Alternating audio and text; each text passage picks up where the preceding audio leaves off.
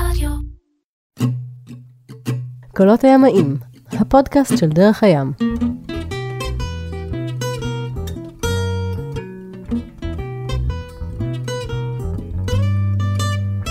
אה, יפתח קוז'יק אה, איתנו אה, בעצם פרק שני על אה, כל הדברים שעוסקים בספינות תרופות מול חופי ישראל, כאלו ואחרות. כאלו ואחרות. אה, בפרק הקודם דיברנו על ספינה שטבועה בכנרת ועל צוללת במפרץ חיפה, ובפרק הזה We are the voice of peace, נכון? נדבר אה, על ספינה פיראטית. נתעסק על ממש ספינת פיראטים. זה ספינת הרדיו הפיראטית הראשונה בישראל, של אייבי נתן, ספינת השלום. זה הרדיו הפיראטי הראשון בישראל, אחרי זה היו אחר כך. אה, ערוץ 7. ערוץ היה- 7, צבי ו King David, היו כמה ספינות כאלה, אבל הוא היה הראשון. באיזה שנים מדובר? אני זוכר שהטביעו אותה איפשהו אה, בתחילת שנות ה-90 או סוף שנות ה-80. אז ספינת כל השלום הייתה ספינה שנבנתה בהולנד תחילת שנות ה-40, זוג אה, אחים, בוני ספינות. אה, 900 ספינות דומות לה נבנו והיא התגלגלה מהולנד, בטרם מלחמת העולם היא יצאה לפלורידה. אייבי נתן קנה אותה ב-69 בפלורידה והסב לה את השם החדש, ספינת כל השלום. והיא נועדה, הוא קנה אותה בפלורידה בסוף שנות ה-60. בשנת 69. כדי להביא אותה לארץ ולפתוח עליה תחנת רדיו? כדי ש- להביא אותה לארץ ולשדר ממנה תכנים, תכנים שנועדו לקידום השלום האזורי. הוא עשה כמה דברים אה, חשובים, אייבי נתן, חוץ מזה. טיסה מאוד... טס למצרים. הוא נחת- טס למצרים כשאסור היה לטוס, וזה היה אקט מאוד... אה, ש... מצד אחד שנוי במחלוקת, מצד שני פורץ דרך כנגד החוק, אבל אה, אה, הוא גם הצטייר בתור פרסונה מאוד אה, נעימה ואדיבה, בפועל הוא היה איש עסקים. הספינה הייתה מקור הכנסות, מקור תרומות ומקור מקור, אה, של כסף מבחינתו. ומעבר לכל הצד ההומניטרי, התנדבותי, שתופס משקל סגולי רב אולי, כשאנחנו חושבים ונזכרים באייבי נתן, וזה, ובצדק היה גם איזשהו צד אה, ביזנסי. זו אנקדוטה נחמדה שתמיד היינו שומעים את הג'ינגל שתו עוד מים, שתו רק מים, אבל הוא הוציא את הג'ינגל הזה כי חברות המשקאות הקלים פשוט לא הסכימו לפרסם אצלו. הוא אמר להם, חכו רגע, אני אראה לכם מה זה. חכו רגע, גוד ואנשים תחכה. ישתו פה מים. ואנשים שתו מים. במשך שנים, תחשוב על זה, שתו מים. זה ל- זה טבוע לנו באוזן. ואולי מישהו שתה פחות פפסי, אז זה אנקדוטה שקשורה בזה, אבל כל הסיפור של הספינה הזאת היה קשור לתרומות וביזנס, והיא עגנה מחוץ למים הטריטוריאליים, כדי שתוכל לשדר ולא כנגד החוק. הייתה תחנת רדיו פיראטית. אז המים הטריטוריאליים זה קצת גמיש, וכל פעם זה טיפה יתקרב לחוף, כדי שהסירות אספקה... אה, כדי שהקליטה גם תוכל אה, לעבוד. לא, הקליטה עבדה ככה ואחרת, אבל נראה לי שיהיה יותר קרוב לחוף. הייתה לוגיסטיקה מורכבת, ספינה בלב ים לא יכולה להיות 365 ימים על עוגן מול תל אביב ולשדר. אז יש לזה לוגיסטיקות אה, כאלו מה ואחרות. מה הם עשו בסערות? אז בסערות מאוד גדולות הם אה, התקפלו ונכנסו לנמל אשדוד. וגם הצוות השתנה ולאורך השנים זה התנהל באופן שונה כזה ואחר. פיראטים. סוג של. אה, כן, אבל זה נחמד, ספינת רדיו שהיא פיראטית, שמשדרת בעברית, איש אה, שהקדים את זמנו, שנגע בתכנים, כל השלום, The Voice of Peace, היה כתוב עליה בעברית, באנגלית ובערבית. יש בזה משהו מרגש במידה מסוימת, ואפשר לשים אולי את הציניות גם משהו. חתרני, ויש פה איזה עניין כזה. בא בן אדם, שם ספינה. באופן לא סטנדרטי, שם ספינה, ואומר חבר'ה, תקשיבו לי, והוא אומר את זה בקול רם במרכז הים התיכון מעל גלי האתר.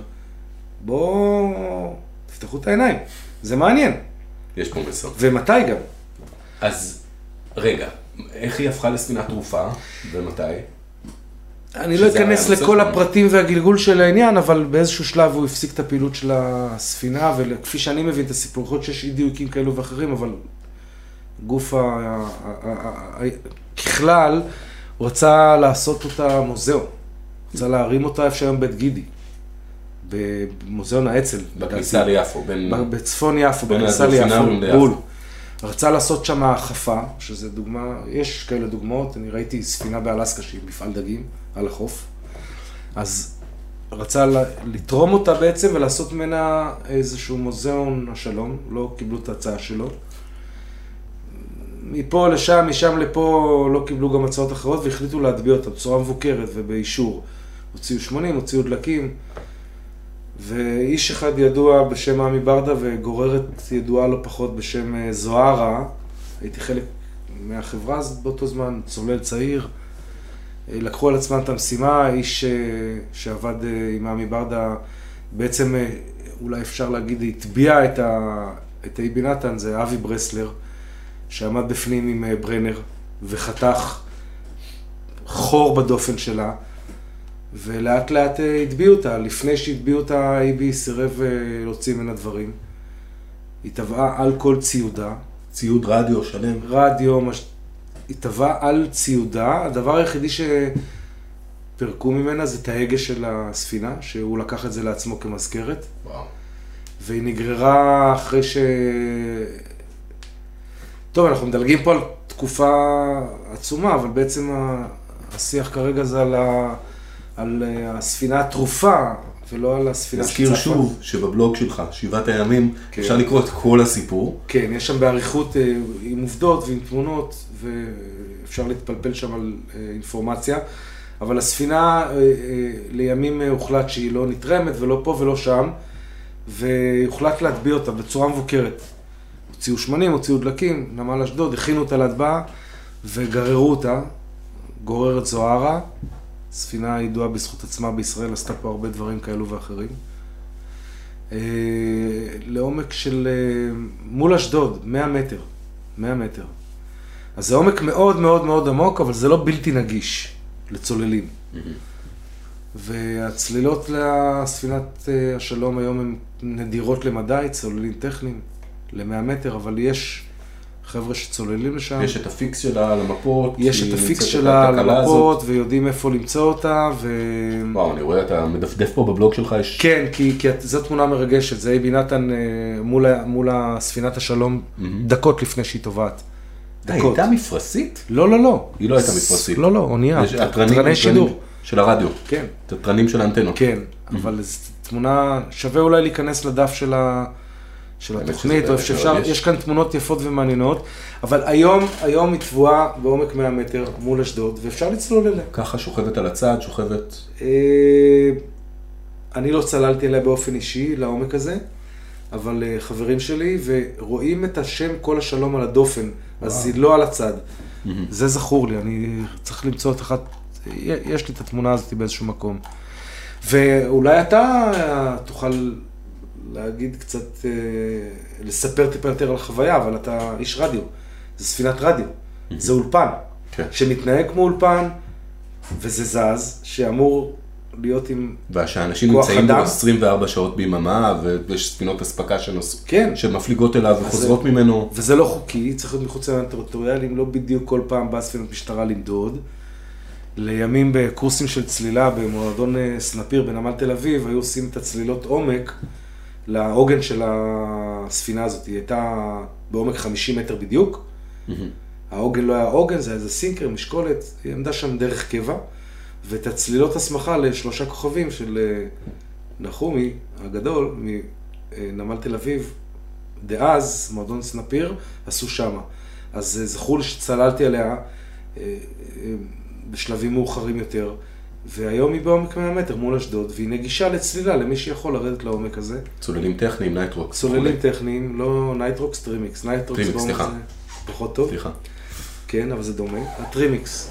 וזו צלילה מורכבת, וצריך לדעת מה עושים, אבל אפשר. וזה מעניין, והיא אה, סירה, ספינה שעברה הרבה גלגולים, קצת אה, קשה בשיח להעביר תמונות יפות שלה. אבל הן נמצאות בבלוג. אבל הן נמצאות. בוא נדבר על, על, על משהו עתיק ממש.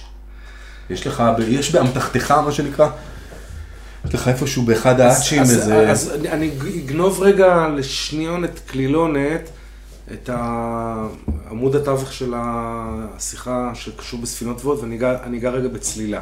אוקיי. שזה גם, גם מעניין אותי וגם עבדתי הרבה שנים בצלילה. אבל באיזשהו, באיזשהו שלב כתבתי כתבה על ההתאחדות הישראלית, על, על ההיסטוריה של הצלילה, וניסיתי להביא משהו מעניין וחדש שקשור בצלילה, עתיק, אמרת עתיק וישן. אז, אז האזכור הכי עתיק וישן לצלילה אי פעם שידוע היום בעולם, הוא נמצא בעתלית. כפר נאוליטי. כפר נאוליטי. נאוליטי זה נאוליטי פרה-היסטורי, זה מלא זמן אחורה. זה המון. פלוס. זה 7,000 כזה. כן, לא? היה כמה חבר'ה ציידים לקטים בהר כרמל. ואולי כמה חבר'ה שלהם ירדו לחוף לתפוס כמה ברבוניות. אבל היה כפר נאוליטי בעתלית שטבע. אז הוא היה כפר, היום הוא מתחת למים. והתגלתה בו באר, והתגלו בו ממצאים, והתגלו בו, התג, התגלו בו עצמות של בני אדם, ולפי נזקים באוזן, בעצמות האוזן התיכונה, בעצם ידעו, יודעים להגיד היום אה, אה, שהיו עדויות לצלילה לפני עשרת אלפים שנה פה בחוף כרמל. אז עכשיו אני חוזר רגע לאן שהתחלת ואמרת עתיק וישן, אז אם, אם הבחור הזה לפני עשרת אלפים שנה צלל, יכול להיות שהוא גם שט פה על איזה משהו.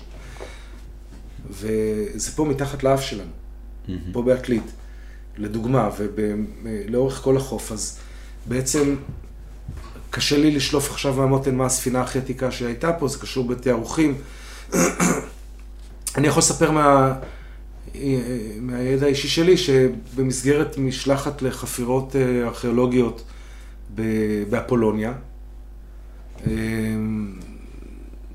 דן מירקין, שעושה דוקטורט שקשור ביחסי ים-יבשה בעת הצלבנית, שזה בעצם אה, איך הגיעו לפה ספינות ישנות, איך האכילו את הסוסים, איך ירדו החיילים לחוף, חיפשנו ממצאים באפולוניה.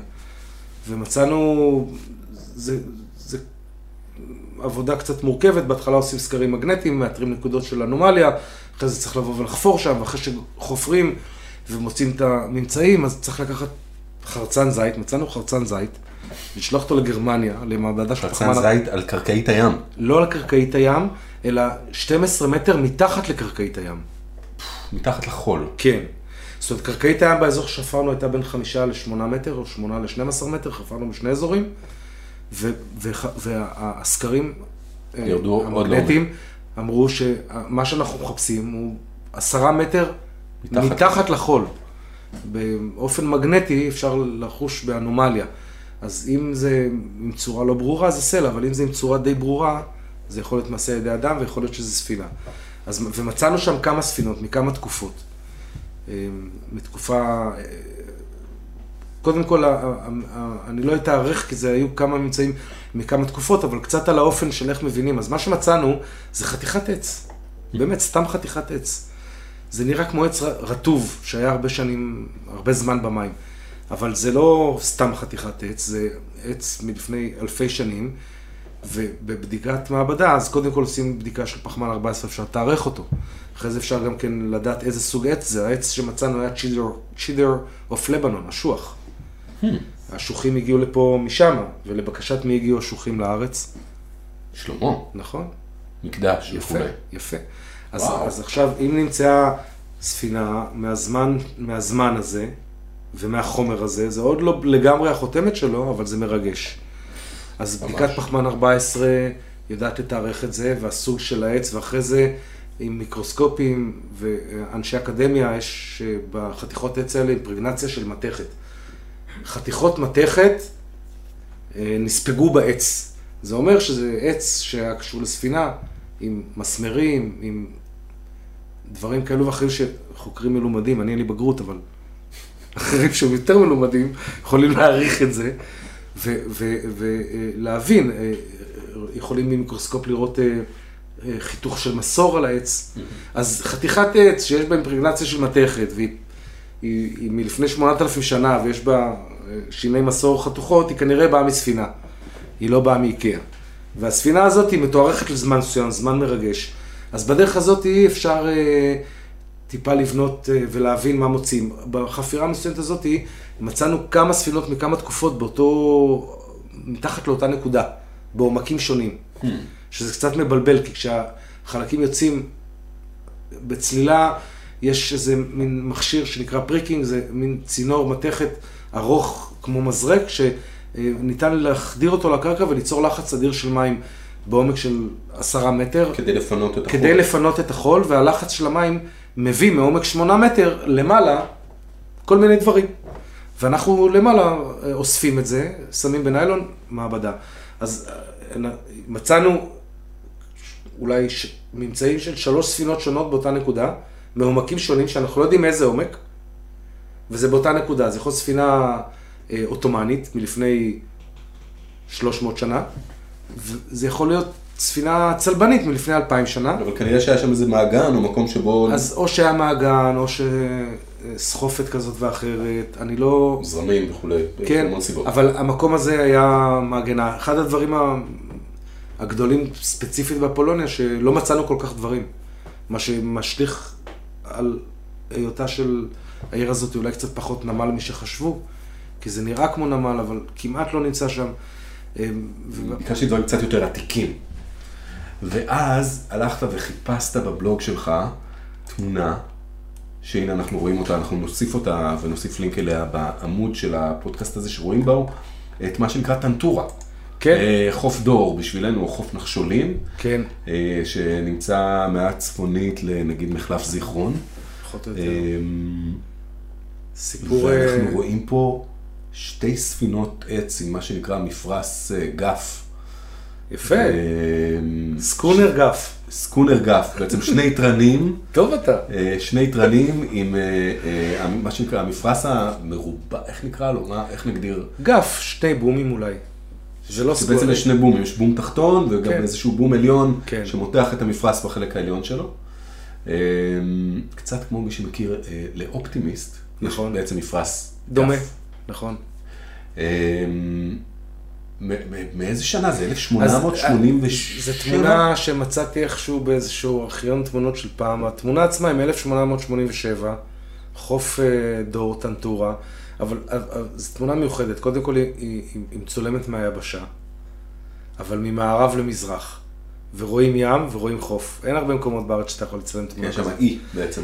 כי יש שם משהו שאני לא יודע אם היום הוא שם, אבל ב-1887 מישהו עמד על היבשה וצילם את הים התיכון מזרחה ממנו.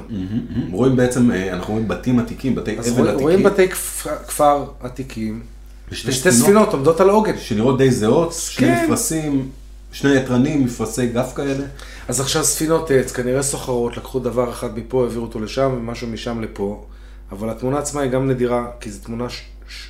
ישנה מאוד, הזווית שלה מאוד מעניינת. תפסה לי את העין, עד היום בטנטורה, אה, בכל האזור הזה אפשר למצוא אה, מקבץ גדול של ספינות, חלקן מוכרות, חלקן אה, מתועדות, חלקן מוכרות ועוד לא פרסמו. היה שם אזור גם אה, בחוף נחשולים, שיש שם אה, אתר ארכיאולוגי חופי ימי מאוד גדול, קיסריה כמובן. שמורת טבע. עתלית, שאנחנו מכירים את המבצר. יש, זה בעצם כל האזור הזה של חוף הכרמל היה אזור כן. מאוד מאוד פעיל מאוד מאוד הזאת. פעיל והמון ספינות. ואם אם- תקן אותי אם אני טועה, חיפה דווקא הייתה מקום פחות פעיל. חיפה לא הייתה פשוט. חיפה לא מוזכרת בתנ"ך, העיר חיפה. אין. חיפה זה עיר חדשה. עכו הייתה קיימת. עכו הייתה, וואלה. עכו הייתה... עכו הייתה העיר של המפרץ הזה. המו"ל הגדול באזור היה בעכו. כל החבר'ה באו לעכו. איפה שהיום בנויה העיר חיפה. נפוליאון רצה לכבוש את עכו. לא את חיפה. נכון, לגמרי. ועד, אגב, ב- בכניסה לנמל אה, עכו התגלתה ספינה מתקופת נפוליאון מאוד מאוד מעניינת ליד מגדל הזבובים. אז זו ספינה אחת מעניינת שאפשר אולי לקרוא עליה יותר באריכות אה, במחקרים אקדמיים כאלו ואחרים. ולאורך כל החוף, אז בעצם אה, אה, ספינות עץ נמצאות כאן, כמו שדיברנו ב... על כך מקודם, באלפי שנים, אלפי אלפי אלפי אלפי צריך שנים. לזכור את הפיניקים. שדי הים והפיניקים ותקופות מאוחרות, אני, זה, קשה לי עכשיו קצת להתחיל לזרוק שמות ותאריכים, זה, זה, זה רחב מדי. אבל בוא נדבר על, על, על ספינות מעפילים. קודם כשהיינו מחוץ ככה, ל... לא הקלטנו, לא הקלטנו ושתינו איזה בירה, אה, סיפרת לי על אותה כאילו ספינת מעפילים שנמצאת, נתנה פה למחלף הקרוב אלינו, מחלף הסירה, על כביש החוף, לא, לא, זה, את שמו. זה, זה, ב- יש פה במחלף הסירה כלי שיט שזה בעצם במקור האנדרטה למעפיל האלמוני. הספינה המקורית אה, הוצבה כאן אה, על ידי עיריית הרצליה, איכשהו סבא שלי היה קשור לטקס והתגלגלה לאיזו תמונה, ובתור ילד שגדל פה באזור, אני זוכר את הספינה אה, עומדת בצומת הסירה, אבל ספינה אחרת. ולימים ולשנים הספינה נרכבה ונהרסה, וחיפשו אה, להביא ספינה אחרת. בכל זאת, אנדרטה. אנדרטה, מעפיל, וואלה, לא נעים. חיפשו מפה, חיפשו משם, בסוף מצאו איזו ספינה שהייתה ספינת אה, מחבלים. מחבלים? ספינת מחבלים, ספינת אויב, או ווטאבר שתגדיר את זה. חיל הים תפס אותה, והיא במשך שנים הייתה באיזשהו מחסן באשדוד. ונדמה לי שדאז אה, שמשוני, שהיה בכיר בעיריית הרצליה, עם קשר אה, כזה או אחר, אה, עשה טלפון או שניים, והגיעה הספינה לפה. אז בעצם הספינה שהיום בצומת הסירה עומדת... לא הייתה ספינת מעפילים. היא לא הייתה ספינת מעפילים, הייתה ספינת מחבלים. תמיד תהיתי, איך עלו על, איך, כמה, איך ואגב- חצת ים, איך חצה ים הדבר ואגב, הזה? איזה פלפולונצ'יק נוסף בעניין הזה, ש... כן מחבלים לא מחבלים, אז ספינה יוונית. זה נראה כמו איזה קאיק יווני. Hmm. אם תדמיין שנייה את עם הספינות. ההגה הארוך הזה והרחב. כן, ספינת עץ, פה באזור הים התיכון הטורקים אה, בונים את המרקב מהעץ. אה, סליחה, המצרים בונים את המרקב, הטורקים את הגולטים והיוונים את הקהיקי, אבל זו אותה ספינה, ספינת עץ, בדרך כלל דאבל הנדר, אה, חרטום וירכתיים זהים, והבנייה דומה והשימוש דומה, ספינות שבעצם בנו את הים התיכון לפני שנים. והספינה הזאת היא נראית כמו ספינה שנבנתה ביוון, איכשהו משם התגלגלה מעניין. מוסבת שם היום, ואגב, אני אה, מוצא לנכון, גם אם היא תבואה על החוף, היא תבואה, בוא. נכון, אבל הספינה הזאת היא הולכת ונרכבת, וזה לא, לא נעים. בכל אה, זאת, ספינת מעפילים. אז אני פה קורא מעל, גלי האתר למי שאחראי על העניין הזה, אולי למשוך באיזה חוט שיזיז איזה מהלך שיביא לשיפוץ, זה לא מסובך מדי, קצת צבע, קצת חום ואהבה. אנדרטה, מגיע לה. אנדרטה למעפילים, מגיע לה. בכל זאת. אמ, אז אמרנו ספינות מעפילים, בוא, בוא, היו פה הרבה. היו פה אה, הרבה ספינות והרבה אלטלנה תקופות. כמובן, אולי נשאיר אותה לאיזה פרק אחר, כי אני חושב שאלטלנה, אלטלנה, לדעתי, לא נחשבת לספינת מעפילים, כי היא הגיעה... היא הייתה ספינת נשק. לא, כי היא הגיעה אחרי 48. Hmm, היא הגיעה אחרי קום המדינה. שנייה, רגע, אתה יודע מה הגיעה זה? ב-48, אבל לא, לא, אני לא סגור על זה, זה, משהו טכני. בוא נשכח מזה. שכחת. אלטלנה. לא, לא, לא, לא, לא. אז ספינות מעפילים. אה, אה, אז? על, אה, על הסטרומה. סטרומה. כן, אבל היא לא, היא לא טבועה בארץ. אוקיי. היא טבועה ב, בים השחור, אני בטורקיה. חושב שהטביעו אותה עם- עם המעפילים עליה או משהו. סיפור, אה, סיפור מעניין. הסטרומה, היא נבנתה ב, באנגליה, בתור יאכטת פאר של אציל, וואו. לתחרויות שיט. ספינת ברזל. כן. אנחנו מדברים על אה, עידן אה, פוסט מלחמת העולם, או תוך כדי אז מלחמת שמה, העולם השנייה. בתקופה שבנו אותה, התחילו בעצם בעולם לבנות ספינות ברזל ומנ- ומנועי קיטור. והיא היא נבנתה בתור אה, יאכטת מפרש, קשה להסביר אה, אה, במלל, אבל איפשהו בעמוד של הפוסט אפשר יהיה לראות אולי פרטים נוספים, והיא נראית אחרת לגמרי, היא נראית כמו יאכטת מפרש תחרותית. כמו ג'יי קלאס כזאת. או- סוג של, כן, כן, לא רחוק, כן. אז קראו לה קסנטה, והיא נבנתה באנגליה, בנהר הטין, שם בנו, עד היום מקום מפורסם, מספנות ברזל שלימים בנו ספינות מלחמה וכולי. והייתה ספינה של איזה בן אצולה אנגלי. נבנתה במספנות אה, אה, מאוד ידועות באנגליה והתגלגלה. אז הסיפור שלה הוא סיפור אה, ארוך, אבל היא התגלגלה כספינת אה, פאר. והידרדרה, ואיכשהו בסוף, לימים, אני מדלג כאן על אה, כמה פרטים בקורותיה ושמות כאלו ואחרים, אפשר... בטח. הוחלפו למנועים, זה עידן הקיטור, כן. שהופך לעידן אז- המנועי דיזל. ו... ובסוף היא, היא, היא, היא, היא נמכרה לסוחר בקר, להוביל בקר על הדנובה, וואו. כ, כ, כדוברה בכלל. טוב, אנשים פה אה, הוציאו ממון רב, אנשים מישראל הוציאו ממון רב, שלחו אנשים צעירים לרחבי העולם לאתר ספינות, לאתר צוות, המוסד לעלייה ב', מה שנקרא. נכון, לקנות, ולהתחיל להשית יהודים מהשואה לפלסטינה, לארץ ישראל, לפני שזה היה, הייתה ארץ ישראל, לפני 48. זה צריך רגע לה, להבין, זה כאילו... שבין 45 ל-48 היו שלוש שנים שבהן... בין 45 ל-48 היו תקופה, אבל היו כמה תקופות, ואני לא יודע לדקדק כרגע בכל הפרטים המדויקים וה, והפרטים, אבל צריך רגע שנייה להסתכל על הסיפור הזה בצורה יותר רחבה. חבר'ה צעירים, 18, 19, 20, 22, 23, שמקבלים פה מזוודות עם ערימות של כסף. כסף. רוצים לקנות ספינות. סבא שלי היה קשור לזה באיזושהי דרך, אני שמעתי ממנו, עם ערימות של כסף, ונוסעים לקנות ספינות בחורים הכי מטורללים בעולם, מתחת לרדאר, מתחת לרדאר של המודיעין הבריטי, שהוא לא פראייר, הבריטי לא פראיירים. ידעו עלינו הרבה יותר ממה שידענו שהם יודעים עלינו at the time.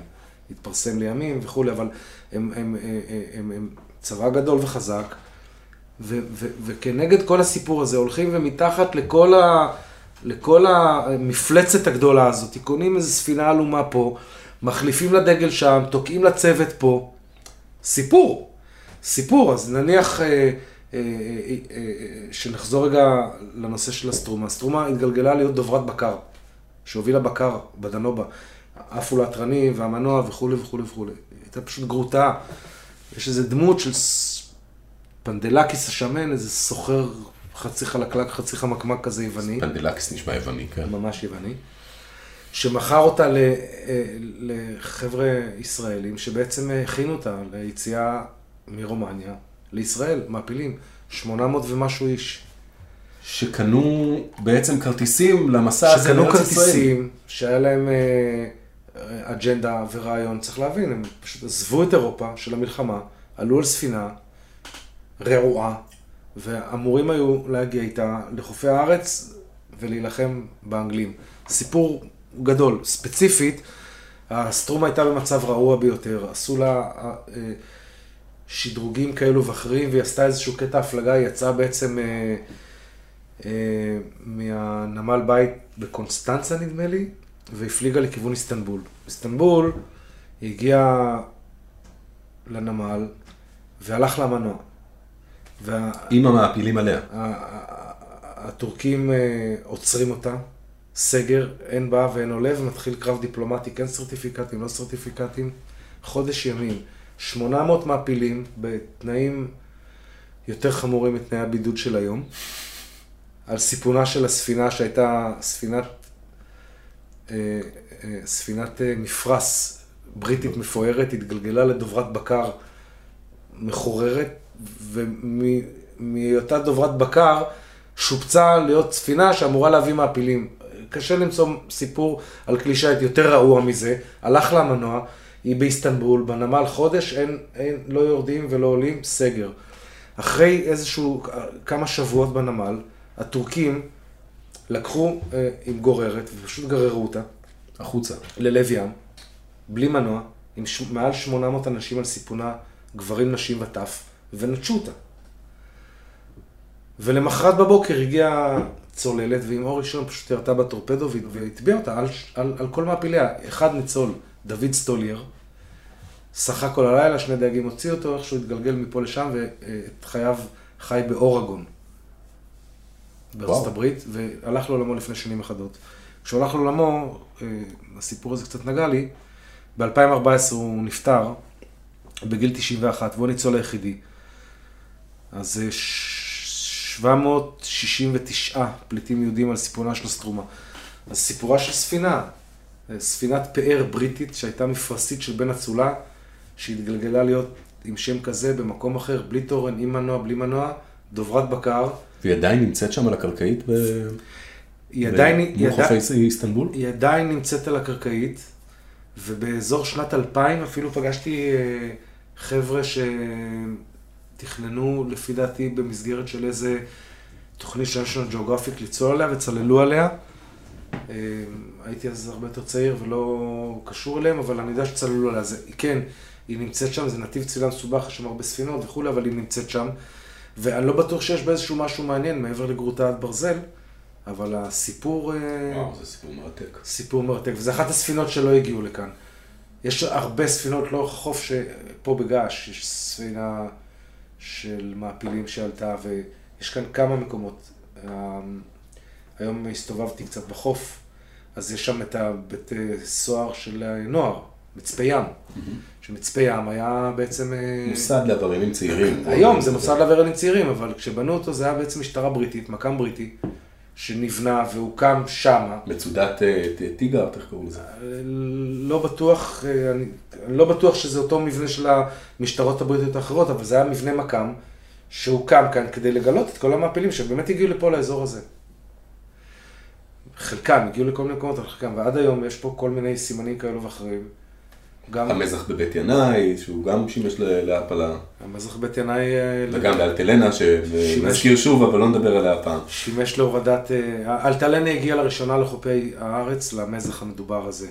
שם היא פרקה ציוד, ושם התחילו החרטות.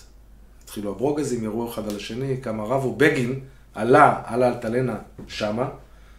ואמר להם, יאללה, תפרססו לתל אביב, ומשם הכל היסטוריה. וואו. טוב, נדבר על האנטנה בפעם אחרת. אמ, יפתח קוז'יק, עוד... דרך הים, שבעת הימים. דרך הים, שבעת הימים, אה, הבלוג שבעת הימים, שאפשר אה, למצוא אותו ב... יפתח קוז'יק וורדפרס.קום.